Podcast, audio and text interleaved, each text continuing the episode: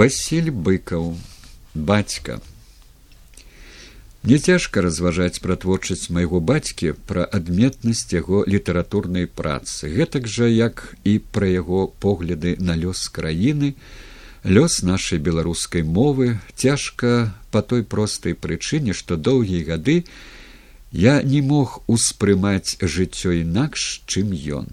Пасля прагі на мінскай кватэры у майго старэйшага брата сергея бацька ціха загаврыў з намі падкрэслена народнай мове. Было ж што часам яму даводзілася гаварыць з сынамі медыкам і вайскоўцам і па-руску. І мне здалося што ён давяраў нам важнае самае запаветнае. Ды ўсё ж ён для мяне перш за ўсё бацька і менавіта гэтым блізкі і дарагі мне. Дзеці наўрад ці могуць разумець праблемы і клопаты дарослых, хай нават сваіх бацькоў. Свет дарослых для іх занадта складаны. А з іншага боку, хто можа угнацца за дзіцячымі фантазіямі.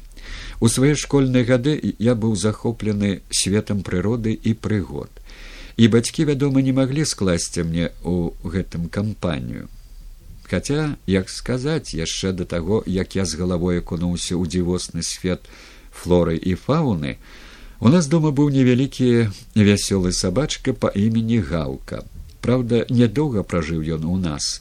Ад'язджаючы адпачынак бацькі пакінулі яго ў знаёмых і ён прапаў. Мы з братам не мелі тады яшчэ важкага голасу у вырашэнні сямейных спраў. Нашыя ініцыятывы наконт усялення ў дому сялякіх беспрытульных катоў і галубоў цярпелі як правіла паразу таму мы былі і ў вялікім захапленні калі аднойчы зімовым вечарам у кватэру да чысціні і парадку якой мама адносілася вельмі строга бацька раптам прывёў сапраўдную вялікую аўчарку. Прывёў на павадку сказаў што яе зваць джим і выглядаў памятаю вельмі горда і ўзрушана. Здаецца ён тады проста пазычыў аўчарку на пару дзён у некага са сваіх сяброў ну і мы з братам гэты некалькі дзён весела забаўляліся дурэлі з джимам на заснежаным двары. Бацька думаю разумеў маё захапленне усялякай жыўнасцю ахватна купляў для нас кніжкі на гэтыя тэмы. І тады у шестидесятые гады калі мы жылі на гарадзенскай вуліцы імя олега кашавога для мяне ўжо не было перашкод у маім захапленні першай маёй уласнай маёмасцю стаў трохлітровы слоек с парачкай гуппі Ён стаяў на акне ў кухні, і бацька не раз заставаў мяне за адным і тым жа заняткам. Як я неадрыўна за тойным дыханнем назіраў за жыццём рыбак. Тут быў мой скарб. Бацька, напэўна, адчуў гэта і неўзабаве купіў мне сапраўдны вялікі на двадцать літраў акварыум. Паставілі яго на печцы, балазе перасталі ў ёй паліць, бо з'явіліся газавыя балоны. Цяпер бацька прывозіў мне са сваіх частых камандзіровак то кніжку пра рыбак, то вадзяны тэрмометр, то кампрэсар. Знаходзіў час забегчы дзеля гэтага ў магазіны. Памятаю, як вярнуўся ён аднойчы з паездкі ў Маскву, у плашчы, капелюшы, а ў руках бідончык з накрыўкай. Такі, у якіх насілі з магазина разліўное малако.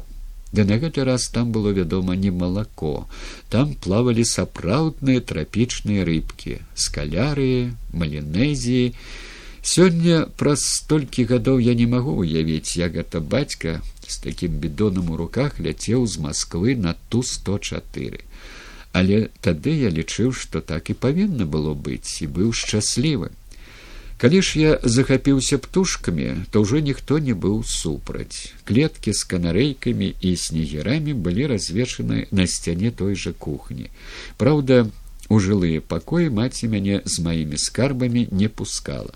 Адзін з пакояў быў бацькавым кабінетам. Тут стаялі пісьмовы стол, сталажы з кнігамі і часопісамі, радыё прыёмнік. Мы ведалі, што бацька тут працуе, што ён пісьменнік.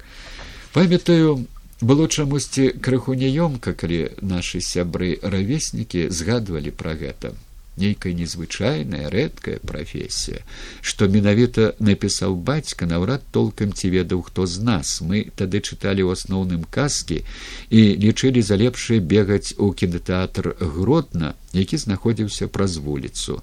Але аўра таямнічасці і паважлівай цікаўнасці вакол прафесіі пісьменніка існавала. І нас з братам цягнула ў бацька в кабінет бачылі што ён заняты сваімі паперамі і стараліся не перашкаджаць яму ціха чыталі кніжкі. Іншая справа калі дома нікога не было. Тады мы па-свому гаспадарылі ў кабінеце уключалі прыёмнік скакалі біліся на канапе. Не магу не згадаць як мне нават удалося атрымаць у бацькавым пакоі прапіску са сваімі птушкамі. Было гэта так з адной са сваіх камандзіровак бацька прывёз маленькую драўляную клетку з драцяной ручкай зверху у клетцы сядзелі вось дык сюрпрыз два невялікія шаравата рудыя чыжыкі чыжыкаў не было ні ў кого. Нам удавалася іншы раз спаймаць у кустах ля гарадскога ручая шчыгла або сініцу можна было купіць з рук канарэйку ці снегера а вось чыжыкаў не было і тут такі падарунак бацька перасадзіў птушак у большую клетку і павесіў яе сярод кніг у сваім кабінеце такім чынам кабінет стаў і маім спамінаю як сядзіць за сталом над сваімі паперамі бацька а побач на канапе уладкоўваемся мы з братам і расклаўшы падручнікі цыкуем як жывуць жвавыя шчабатлівыя чыжыкі і ўсім нам вельмі добра